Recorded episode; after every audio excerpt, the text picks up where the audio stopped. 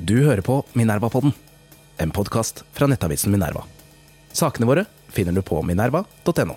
Minerva-podden er en podkast fra avisen Minerva. Det er gratis å lytte til Minerva-podden, men det er ikke gratis å lage avisen. Hvis du vil støtte Minerva, kan du tegne abonnement ved å gå inn på minerva.no abonnement, eller du kan vippse oss penger for å vise at du setter pris på podkasten, til mediehuset Minerva. Velkommen som abonnent.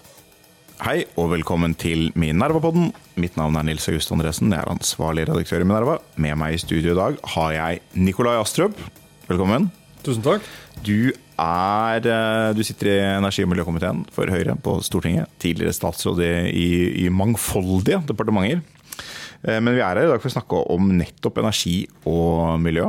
Og kanskje aller mest energi. Eh, vi nærmer oss to år med kraftkrise, opplevelse av kraftkrise i Norge. Strømprisene har, gått ned. Vi snakker ikke om dem hver dag lenger, for det er så mange andre problemer med rente og dyrtid og sånn. Men de er fortsatt eh, tre-fire ganger høyere enn de var i gamle dager. Det vi pleide å kalle normalen. Og det er vel en gjengs oppfatning at i tillegg til alt det andre regjeringen roter med, så har dette vært eh, noe som har bidratt til katastrofal svekkelse av regjeringspartiene blant velgerne. Eh, og vi skal snakke i dag om Høyres eh, kraftpolitikk, Høyres svar, og noen av de dilemmaene vi står overfor som, som samfunn. Eh, og så hører man av og til der ute i folkedypet, jeg har altså da vært og loddet stemningen i folkedypet, skal i dag være litt talsmann for folkedypet, så hører man hvorfor stemmer Høyre? Har ikke de akkurat samme energipolitikk som regjeringen? Du kan begynne å si litt om Hva tenker du om den påstanden? Vel, Årsakene til energikrisen den hadde vært den samme uavhengig av hvilken regjering som hadde sittet. Eh, vi er jo utsatt for et tilbudssidesjokk eh, ved at eh, all russisk gass er falt bort i den europeiske energiforsyningen. Og det er klart det har store betydninger for, stor betydning også for, for det norske energimarkedet, for, for, norske strømpriser. Og det hadde jo sånn sett vært det samme, uavhengig av hvilken regjering som sitter. Så tror jeg nok at en av årsakene til at mange opplever misnøye med eh, regjeringens politikk på dette området, er jo at eh, måten de har håndtert det på, bærer preg av at de har vært bakpå hele veien, og at de ikke har kommet opp med svar som folk har tillit til. Men de grunnleggende strukturene i kraftmarkedet de er vi enige om. Og det er mange som ønsker seg makspris på strøm. Uh, og det er klart eh, like enda flere helt sikkert ønsker seg strøm alltid når de trenger det. Men de to tingene henger ikke nødvendigvis sammen. Så innfører du en makspris på strøm, så øker også faren for rasjonering og strømbrudd. Så uh, alt henger sammen med alt. Men dette, dette, er veldig kompliserte temaer. og Jeg, jeg kjenner jo på at uh, altså det er enorm frustrasjon der ute. Ikke så mye nå som det har vært knyttet til høye strømpriser. Og alle ønsker seg Eh, en quick fix. Men det er ingen quick fix på dette. Vi må bygge ut mer kraft uh, for å sørge for at vi har overskudd og bidra til at prisene går ned. Mm. Altså de, det er jo en del uh, stridstemaer. En ting er makspris, som har vært, uh, absolutt fremmet av noen, ikke av Minerva. Men det har vært fremmet av, noen, men det er jo en del andre stridstemaer, litt knyttet til, litt knyttet til jeg, historiefortellingen. at det var en litt uheldig timing på disse tingene, hvor vi hadde akkurat debatten om utenlandskabler. Det ble det sagt fra mange hold at nei, det ikke blir mer enn tre-fire øre. Og så kommer denne uh, strømkrisen, og så går prisen opp uh, med veldig veldig mye. Og så kan man si de ville gått opp mye uh, uansett. men etter hvert så kom det på noen analyser som sa at ok, men det er kanskje 25-30-40% av denne akkurat nå som skyldes denne. Har politikerne vært for dårlige til å være ærlige om betydningen av utvekslingskapasiteten? Altså, La oss spole litt tilbake. Eh, vi hadde en eh, strømpriskrise i Norge rundt 2003-2004. Da Einar Stensnes var olje- og energiminister for KrF. Eh, så hadde vi en ny en i 2010-2011. Og da var strømprisene i Trøndelag Timesprisene var jo godt over 10 kroner timen. 15 kroner noen timer. Uh, og det ble satt ned et offentlig utvalg for å se på okay, hva er det vi kan eh, gjøre for å unngå sånne situasjoner i fremtiden. Det Utvalget hadde Marit Arnstad fra Senterpartiet som nestleder. Lars Haltbrekken, den gang Naturvernforbundet, var medlem av det utvalget. Og de anbefalte at uh, vi måtte ha flere forbindelser til utlandet utenom Norden. Mm. For å eh, redusere sjansen for den type ekstremsituasjoner.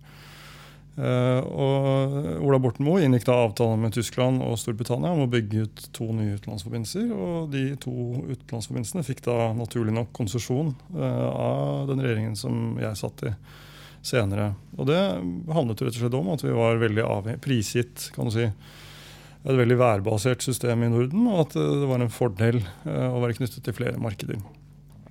Så eh, var prisdifferansen mellom f.eks. Tyskland og Norge var, har jo aldri vært høyere enn den var eh, i fjor vinter. Så, ja, I absolutte kroner? Ja, sånn at det at vi sånn sett importerte tyske priser er jo ikke eh, riktig i den mm. forstand. Men det er klart at vi også er utsatt for prissmitte når vi står i en sånn ekstrem situasjon som vi gjør. Men så er det da, ja, hvis vi ikke hadde hatt noen kabler, så måtte vi hatt et helt annet kraftsystem. Så eh, med en betydelig overkapasitet i, eh, i normalår, hvor vann hadde gått til spille. Vi måtte bygge ut ned veldig mye mer natur. Og kraften alt annet like hadde vært dyrere over tid enn med det kraftsystemet vi har, hvor vi utnytter hverandres fortrinn, og som har tjent oss veldig godt. Altså mm. De siste 30 årene så har Norge hatt de laveste kraftprisene i Europa, kun med unntak av Island. Uh, og vi har ligget betydelig under andre europeiske land, uh, med et system som er basert på betydelig grad av utveksling av kraft. Men når vi da kommer i en sånn ekstrem situasjon, så er det klart at da slår det inn også hos oss. Så er det spørsmålet skal vi da rigge et system basert på at denne type situasjoner kan inntreffe med 30 års mellomrom? Eller skal vi bygge et system som vi tror eh, optimal, gir den beste ressursutnyttelsen og gir det billigste resultatet for befolkningen over tid? Eh, og Uansett så er det sånn at vi har det kraftsystemet vi har. Mm. Så eh, det er jo ikke noe alternativ nå å melde oss ut av kraftsamarbeidet vi har med Europa. fordi skal vi gjøre det på et eller annet tidspunkt, så må vi først bygge opp et mye mer robust kraftsystem i Norge enn det vi har. Og der er vi ikke. fordi det er jo store, det store problemet som vi står overfor nå. er at det bygges ut altfor lite kraft. Det er ikke utsikter at det kommer til å bli bygget ut så veldig mye kraft heller. Energikommisjonen har pekt på at vi må bygge ut 40 TWh innen 2030. Det kommer ikke til å skje med det tempoet vi har nå. Havvind er først aktuelt ut på 2030-tallet. Oppgraderingspotensial for vannkraft 8-10 TWh. Eh, det kan komme ganske raskt, men er ikke i nærheten av det samlede potensialet. Sol eh, sør for Trondheim, ja, stort potensial. Men eh, det, det, skal bygges ut veldig mye sol før det monner. Så vi skal absolutt gjøre det, men, men det kommer ikke til å gi de store volumene. Og vindkraft på land, vel, der er det jo sterk motstand i veldig mange kommuner. Og, og småkraft har et stort potensial, men igjen, det tar for lang tid. Så så vi må på en måte erkjenne den situasjonen vi står i, og jobbe ut fra det. For å komme med noen eh, innvendinger fra, fra folkedypet. Altså jeg tror det er, eh, det er jo lett å skjønne hvorfor man bygget ut utvekslingskabler basert på det du sa. Så er det allikevel sånn at utviklingen siden disse beslutningene ble tatt, har jo vært at Norge har bygget ut en del kraft. Og har i dag mye større kraftoverskudd enn vi hadde i 2010. Og sannsynligheten for den type tørke uten Eh, eksport. Eh, altså den type tørrår, den type kraftmangel eh, uten eksport og med de eksisterende utvekslingskapasitetene i Norden er jo mange sier relativt, relativt lav. Men, men, jeg tror det viktigste for å forstå kanskje misnøyen er at jeg tror det var veldig lenge da strømprisene begynte å gå i været, at det ble sagt at kablene spiller ingen rolle. Men man kunne jo ha sagt litt sånn som du sa nå, jo kablene spiller nok en rolle akkurat nå, og det er vi fryktelig lei for.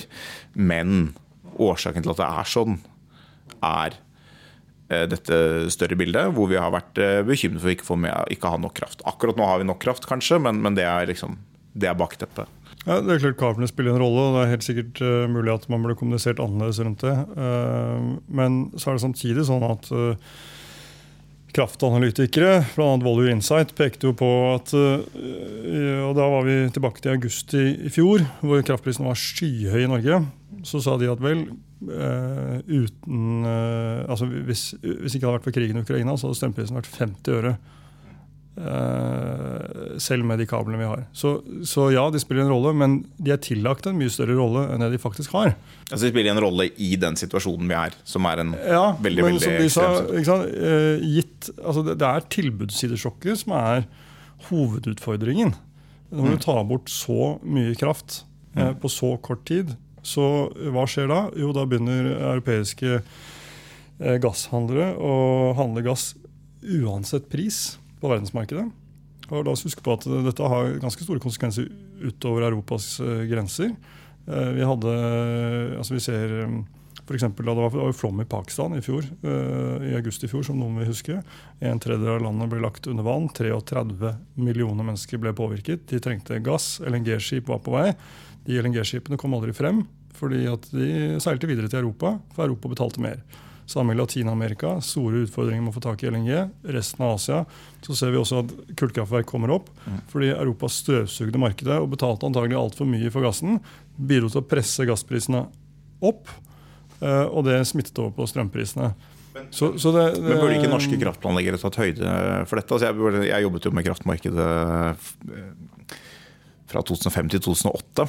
eh, Og da hadde vi liksom tre ben som vi skulle se på. Det var effektivitet, kostnadspris, klima, eh, miljø og energisikkerhet. Og energisikkerhet var jo på en måte kode for Russland. Vi kunne ikke si Russland, for vi var jo på det tidspunktet skulle ha konstruktiv dialog med, med landet, men, men det betydde Russland.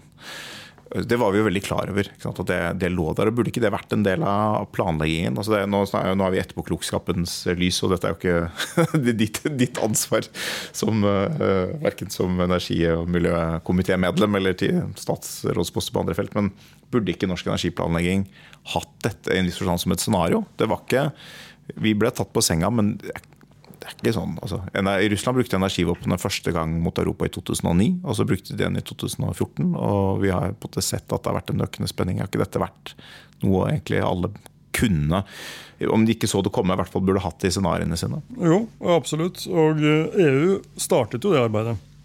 Eh, Så de, de eh, satte jo dette på dagsordenen lenge før Russland eh, invaderte Ukraina, men det gikk ikke fort nok. Og du kan si ja, vi er sårbare for eh, Putins energikrig. eh, Men det er ikke fordi vi har bygget eh, for mange vindparker og solparker i Europa. Det er fordi vi har bygget for få.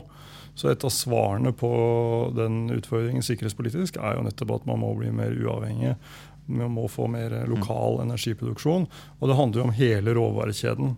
ikke sant? Vi, vi importerer 98% av de sjeldne jordartene som vi importerer til Europa, de kommer fra Kina. Eh, så vi er ganske avhengige også der. Og det kommer til å ta tid å eh, bli mer uavhengige og selvforsynte med, med kritiske innsatsfaktorer i hele kjeden. Så det handler jo ikke bare om hvor mange solpaneler du setter opp. Det handler også om hvor er det eh, mineralene og sølvet som går inn i solpanelene, kommer fra. Hvor er det sånn, magnetene i, i elmotorene kommer fra. Eh, og ingenting av det kommer fra Europa akkurat nå. Jeg vil ha mye flere gruver. Det er, Så vi, ja, men vi må ha mer gruvevirksomhet.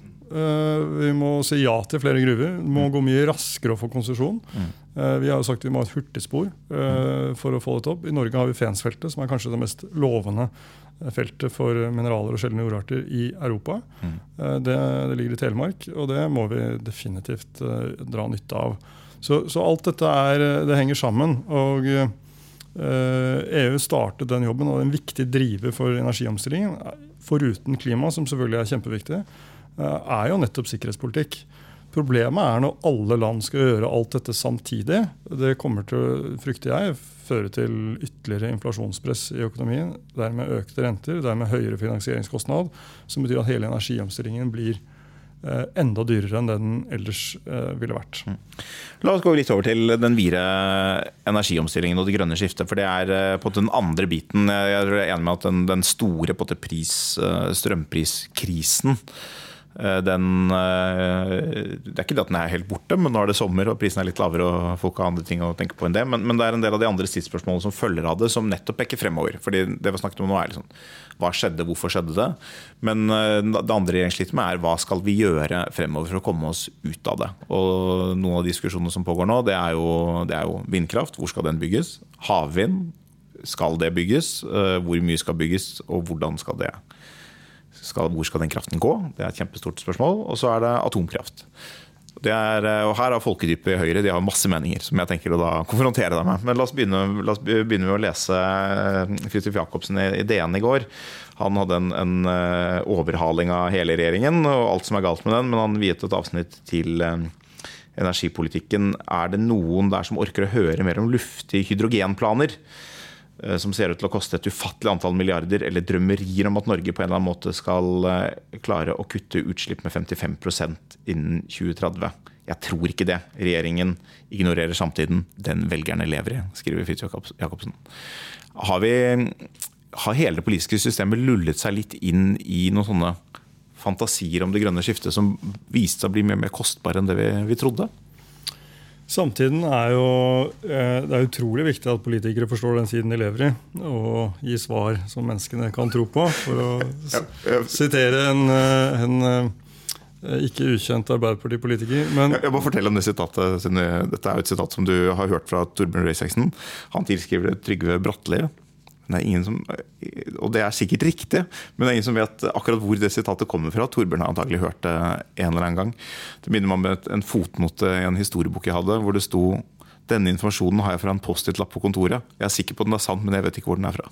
Ja, og uh, Det kan godt hende at uh, opphavet er ukjent, men det er godt sagt. Er godt sagt. Men, men når, det, uh, når, det, er sagt, så vil jeg likevel si at politikernes oppgave er jo ikke bare å tenke på samtid, men også å tenke på fremtiden. Mm.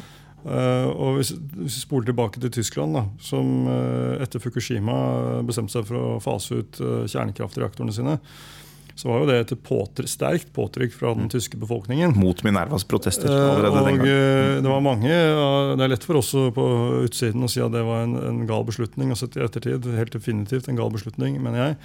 Men Eh, det var jo et uttrykk for at de forsøkte å forstå sin samtid. Eh, ja. Og protestene var store, eh, og da gjorde de det. Og nå finner vi sikkert de samme menneskene som protesterer på at strømprisene i Tyskland er høye. Så det er ikke alltid så enkelt, men vi må jo ta valg i dag som forbereder velgerne på en fremtid som de kanskje ikke er så opptatt av nå, men som mm. vi må være opptatt av, fordi vi vet at det kommer til å bli viktig.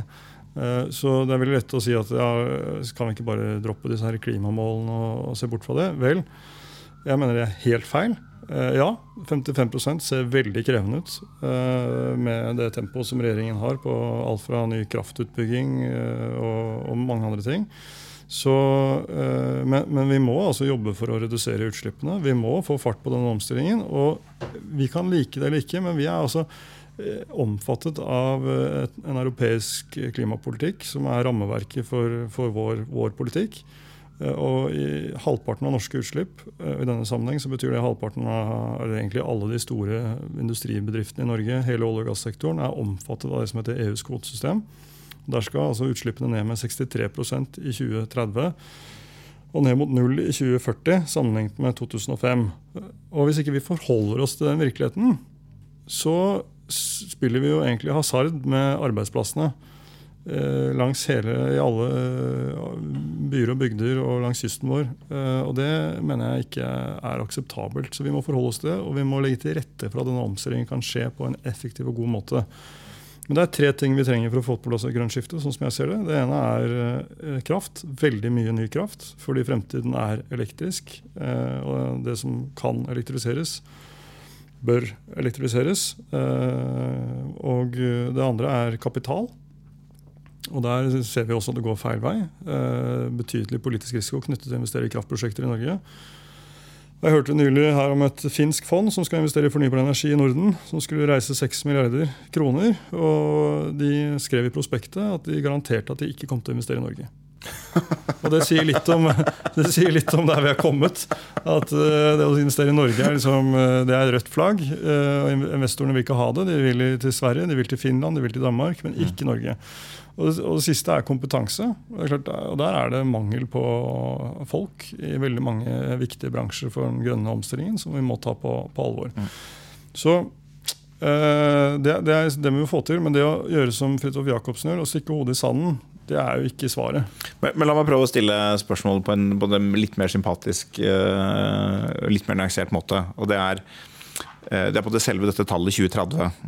Uh, hvor som legges som et premiss, og det er veldig tydelig i denne mer av alt raskere NOU-en om, om kraftutbygging og kraftsparing, som måte, sier veldig mye at det er, det er veldig, veldig mye vind på land som må bygges for å kunne komme dit i 2030. Og årsaken til det er at det er det eneste som går fort nok. Mm. Og så kunne man jo på tenke seg at vi kunne kutte like mye, men på litt lengre tid.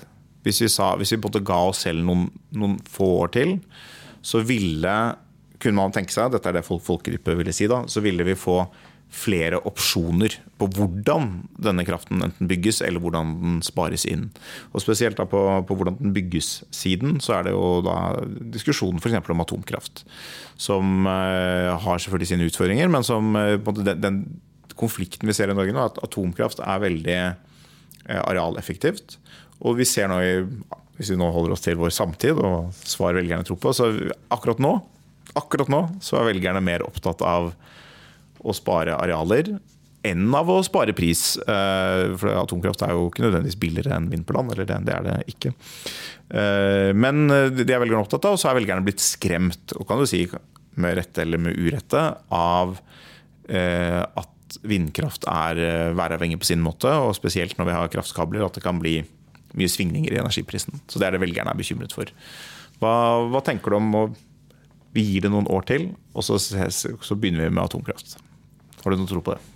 Det vi har sagt, er at vi må utrede hvilke forutsetninger og behov vi har for kjernekraft i Norge. og starte der. Hva er det som må være på plass? Vi vet at det å bli en kjernekraftnasjon det er ikke noe du bare bestemmer deg for, og så bygger du et kjernekraftverk. Det er masse reguleringer som må på plass. og vi vi må ha tilfredsstillende standarder på, for å forhindre stråling. og det er, det er mange ting som det er, det er, ikke gjort i en fei. da. Det er en grunn til at de, de landene som virkelig satser på dette, det er jo land som har, som har, som har atomvåpen. Fordi de bruker jo hundrevis av milliarder på dette hvert eneste år. Sverige og, sier jo nå at de, de Og er helt avhengig av å ha kompetanse på det. Så er det Sverige og Finland har drevet med dette lenge, eh, men de har ikke bygget noe nytt på lenge. Men Sverige sier, noe, skal, Sverige sier noe ja. eksplisitt. Men det ser vi i Finland. ikke sant? De, ja. de vedtok i år 2000 å bygge mm. et kjernekraftverk. Eh, et nytt et. Mm. Uh, det skulle stå ferdig i 2009. Ja, Det har tatt lang tid. Ja, det, Og det er mm. prøvedrift i år, da. Mm. Men, men, det er mange si andre som Men det er det verste eksempelet. på en måte. Altså, det er dumt å komme nei, bare med det dårlige. Det, det, er tre eksempler i Europa. Det er Flamanville i Frankrike, så er det Hinkley Points i UK, og så er det det finske. Mm. Det er det som har vært bygget. Men hvorfor sammenligner vi ikke med Sør-Korea? De bygger jo hele tiden. Uh, Sør-Korea uh, har opprettholdt sin uh, kompetanse på dette mm. mye bedre enn det Europa har. De, de, som bygger, det er jo stort sett Kina. Mm. har jo bygget mye. Og da er vi tilbake til, til sikkerhetspolitikken. så de har jo vært tungt inne også i de ulike europeiske atomkraftverkene som er nå. Så, det, eh, så, mener jeg at eh, vi bør absolutt følge med på denne utviklingen og se på ok, hvis det nå små modulære reaktorer blir en realitet, hvis kostnaden faktisk kommer ned på et nivå som gjør at dette er eh, så enkelt og billig som man skal ha det til, vel, så bør vi være åpne for det. Så Jeg har ikke noe ideologisk motstand i det hele tatt mot kjernekraft. Jeg mener det kan tvert imot ha mye for seg. Men vi må også ha en plan for eh, hvordan vi skal rulle dette ut, og hvordan vi skal forholde oss til dette som, som nasjon. Og Avfallsproblematikken er nå én ting, men det, det, er en ganske viktig ting. Eh, vi har jo en del atomavfall fra før, fra de to testreaktorene som vi har hatt på Kjeller og i Halden. Og Der er jo anslaget at eh, det kommer til å koste opp mot 30 milliarder kroner å finne permanent lagring for, for det, og at det kommer til å ta et sted mellom 20 og 30 år å få det på plass. Bare sånn for å sette det i perspektiv. Det er snakk om 15 tonn med radioaktivt avfall. Så, og hvert land er forpliktet til å ha eh, avfallsmottak for, uh, for nukleært avfall. Og, og, det har vi ikke på plass. Så, men det må vi få noe, på plass uansett, da. Det, det, må vi få på plass, Men det er nå en del sånne ting da, som gjør at uansett hvordan du vrir og vender på det, mm. så kommer dette til å ta, ta tid. Mm. Og da er spørsmålet hvor mye kraft klarer vi å bygge ut frem til det er aktuelt å bygge et kjernekraftverk i Norge. Og vil det da være lønnsomt å bygge det ut? Mm. Eh, og I motsetning til andre land så har vi vannkraften, som er eh, perfekt til å balansere vindkraft. Eh, du kan holde tilbake vann når det blåser, og så kan du slippe ut mer vann enn det vi klarer i dag. De timene hvor det ikke blåser. Mens mange andre land har jo ikke det, og de er avhengig av å ha en helt annen form for grunnlast. Og Da er atomkraft kjempebra, men atomkraft kan du ikke ta opp og ned. Altså Enten så er det på, eller så er det av. Uh, og det er ulempene med kjernekraft. Uh, så det samspiller veldig dårlig med vår vannkraft. Uh, og enda dårligere med vindkraft. Mm. Jeg tror det er en, del velgere eh, tilbake til folkegruppe, klør seg litt i skjegg over. Eller ikke nødvendigvis skjegget, det kan jo være kvinnelige velgere også. Det er ofte mannlige velgere som er sure på kraftprisen, men likevel. Havvind det skal nå få regjeringen videre 30 milliarder, og det tar også lang tid. Det er heller ikke på plass før si, nærmere 2040, kanskje. Vi får se. Um, og det, det skrur seg opp og ned selv i og for seg, men, men Hvorfor, der er det virker som det er en ideologisk motstand. Hvorfor gå for et sånt, hvorfor bruke masse penger på et sånt prosjekt? Hvis man er så kritisk. For det kan du si det samme. At Hvis vi får på plass mye vannkraft, hvis, hvis havvind blir stort i Europa, vil det i det hele tatt være lønnsomt med norsk havvind i 2040? Uh, eh, hvorfor denne forskjellen på Nå har Høyre en litt, vi skal snakke om det, så Høyre har en litt annen tilnærming til havvind. Hva skyldes denne forskjellen tror du, på havvind og atom? Altså, til det så er det å si også, det, Ja, det kommer til å komme veldig mye vindkraft inn i den europeiske energimiksen. Og forretningsmodellen kommer til å være krevende, det er ikke noe tvil om det. Spol noen år tilbake så hadde jo Statkraft tre gasskraftverk i Tyskland som alle ble lagt i møllposen. Fordi fornybare hadde fortrinnsrett på griden, og det var ikke lønnsomt å produsere gasskraft. Nå går de selvfølgelig for full maskin, men øh, men det sier noe om at uh, det kan bli krevende å finne en forretningsmodell som bærer. Men her må man se det store bildet. Europa skal dekorbanisere seg ned til null i 2050. Det betyr en helt annen type kraftsystem. Og det betyr at vi, når vinden blåser, så må du f.eks. ha langsiktige kraftkjøpsavtaler med hydrogenprodusenter som da kan uh, bruke dette til å produsere hydrogen og dermed være et slags batteri i miksen. Selv om Fridtjof Jacobsen blir sur? Ja, men det, det, er det. han tar jo ikke inn over seg. Han velger, velger, å se bort fra at Europa skal dekarbonisere seg, og at, og at EU har eh, en juridisk ramme rundt denne forpliktelsen som er betyr at uh, med mindre det blir opprør og oppstandelse, så kommer de til å gjennomføre dette. Eh, og det må vi også forholde oss til.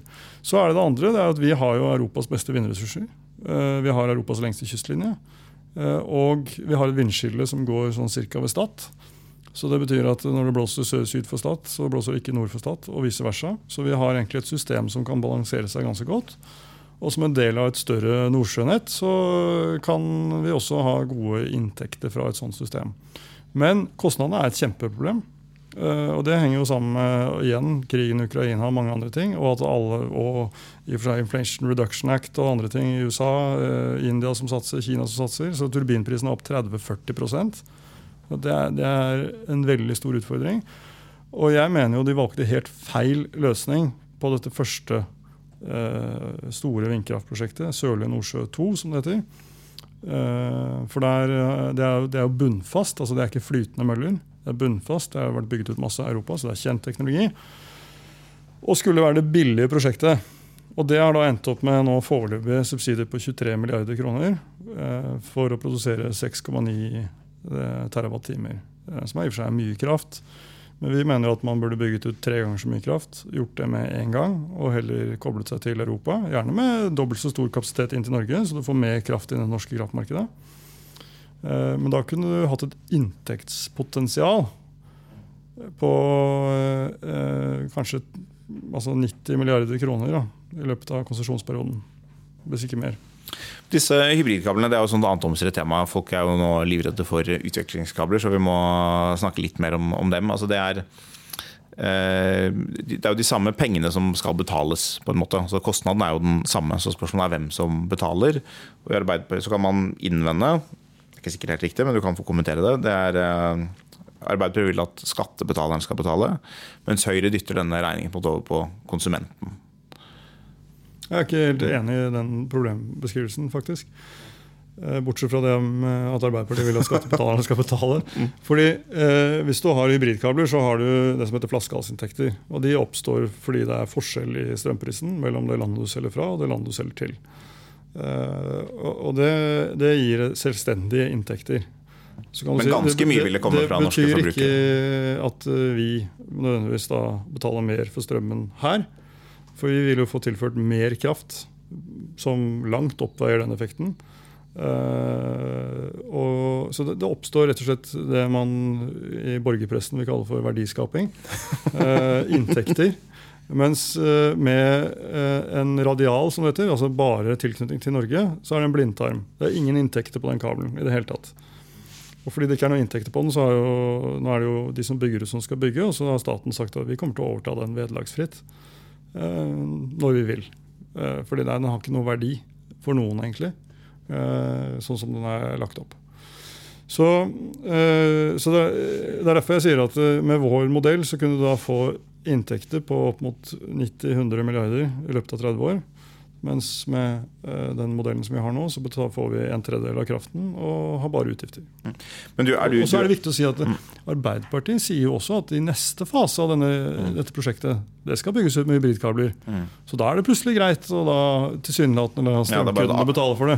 Akkurat nå vil de bare la akkurat, vise at de forstår sin samtid. Nei, akkurat nå så handler det mye om Senterpartiets misforståtte kraftnasjonalisme. Mm. Men vil du, vil du være er du, hvor, hvor sikker er du på at en sånn hybridkabel ikke fører til eh, at norske og europeiske strømpriser blir altså de, de vil harmoniseres noe ytterligere. Ja, men altså, Vi er allerede koblet til det europeiske strømmarkedet. Du tenker at det, ikke, det spiller ikke noen større rolle i den sammenheng? Nei, jeg mener at det handler om hvordan du designer disse kablene. Og Da må mm. du designe dem slik at du presser mer kraft i Norge enn det du gjør til et uh, annet land. Mm. Og Vil Europa godta det? Ja, og nå er det akkurat, eh, Vestre sier jo stadig at eh, det er ingen andre land i Europa som har hybridkabler, så derfor kan ikke vi begynne med det. Det finnes ikke reguleringer osv. Men senest denne uken her, eller forrige uke, så inngikk jo Tyskland og Danmark eh, avtale med nettopp hybridkabler om å bygge ut eh, Bornholm eh, energiøy.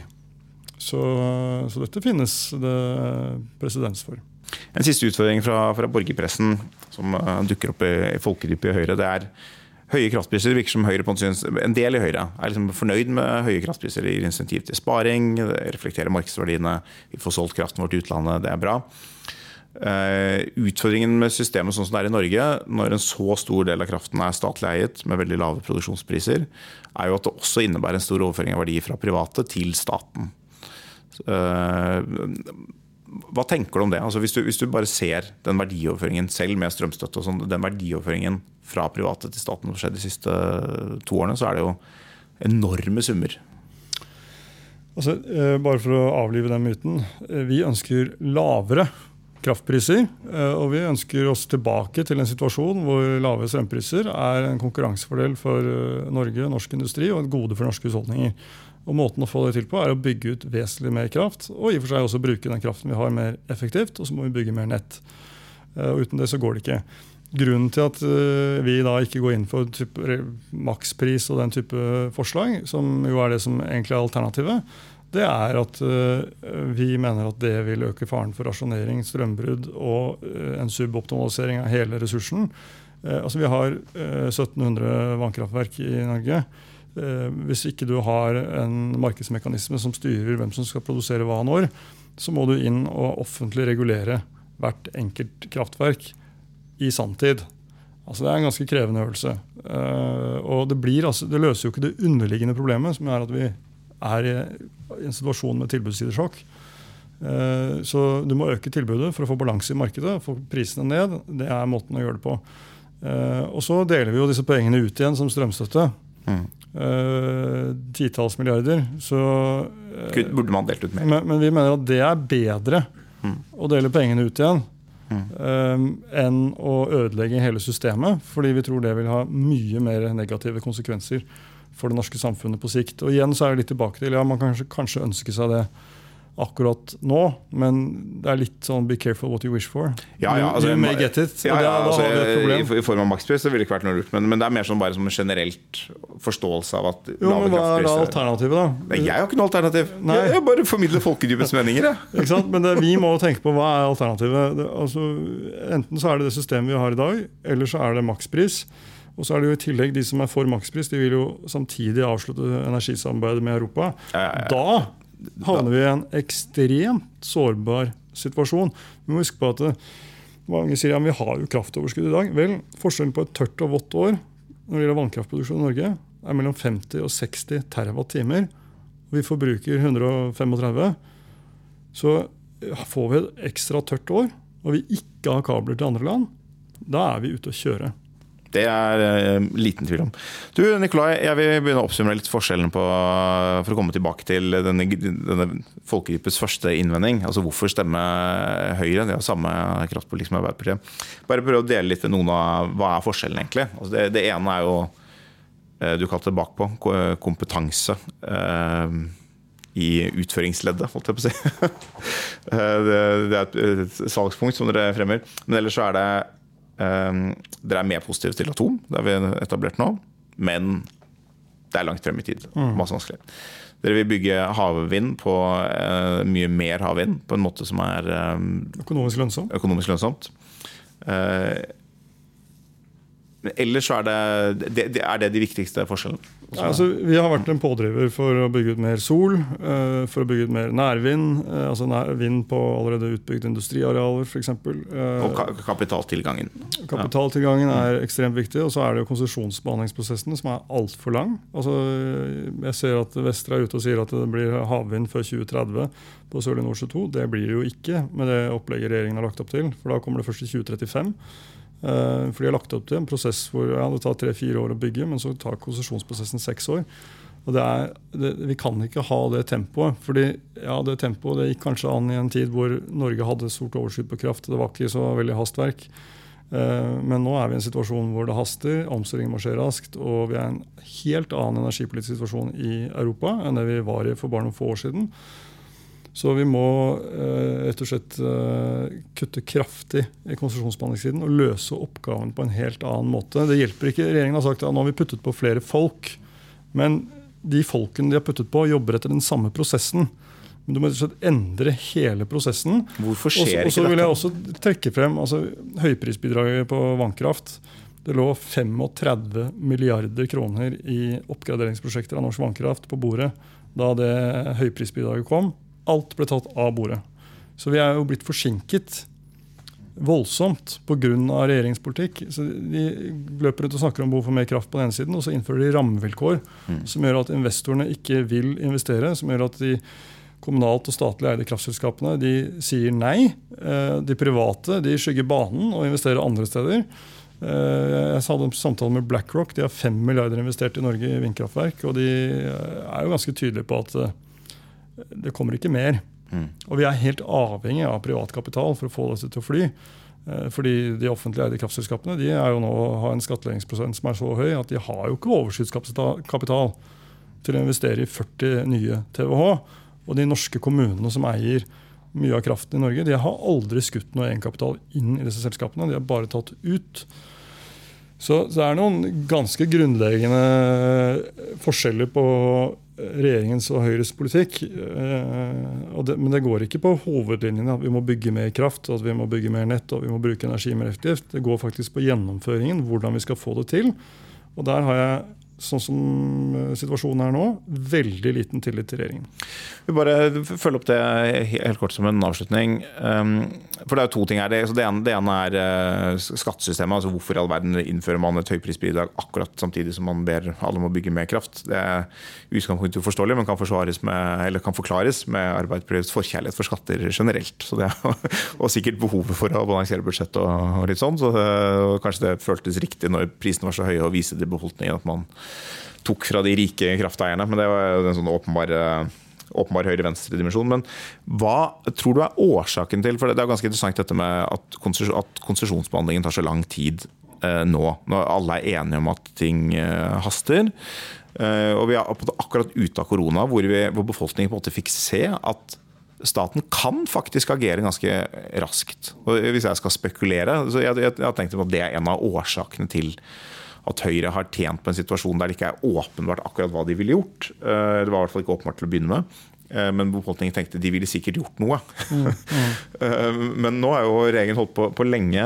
og altså Hvis du skal prøve å gi en analyse, ikke bare si sånn Arbeiderpartiet er dumme, men hva er årsaken til at, ikke, at, dette ikke kan gå raskere?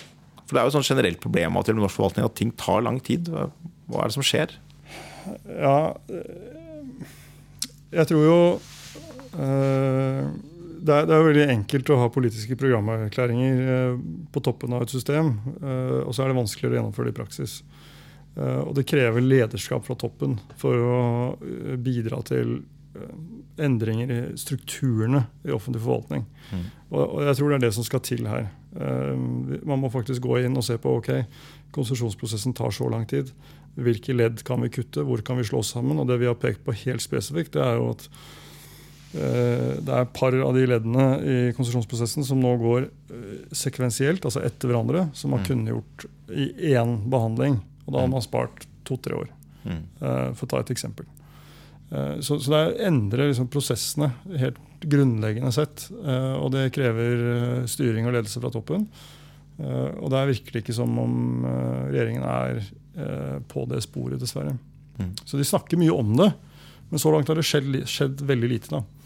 Og så er det Så, så jeg, jeg, tror nok du har, jeg er enig med deg i at på overskriftsnivå så er det mye vi er enige om. Mm. Uh, men jeg tror og håper at vi har håndtert gjennomføringen av dette på en mye mer effektiv og raskere måte. Mm. Og pandemien visste at det er mulig. Da kan det stå som svar til kritikerne i folkegruppa. Vi har fått presentert uh, Høyres forståelse av energikrisen, kraftkrisen og utfordringene vi står i fremover. Nikolai Astrup, tusen takk for at du kom. Takk skal du ha.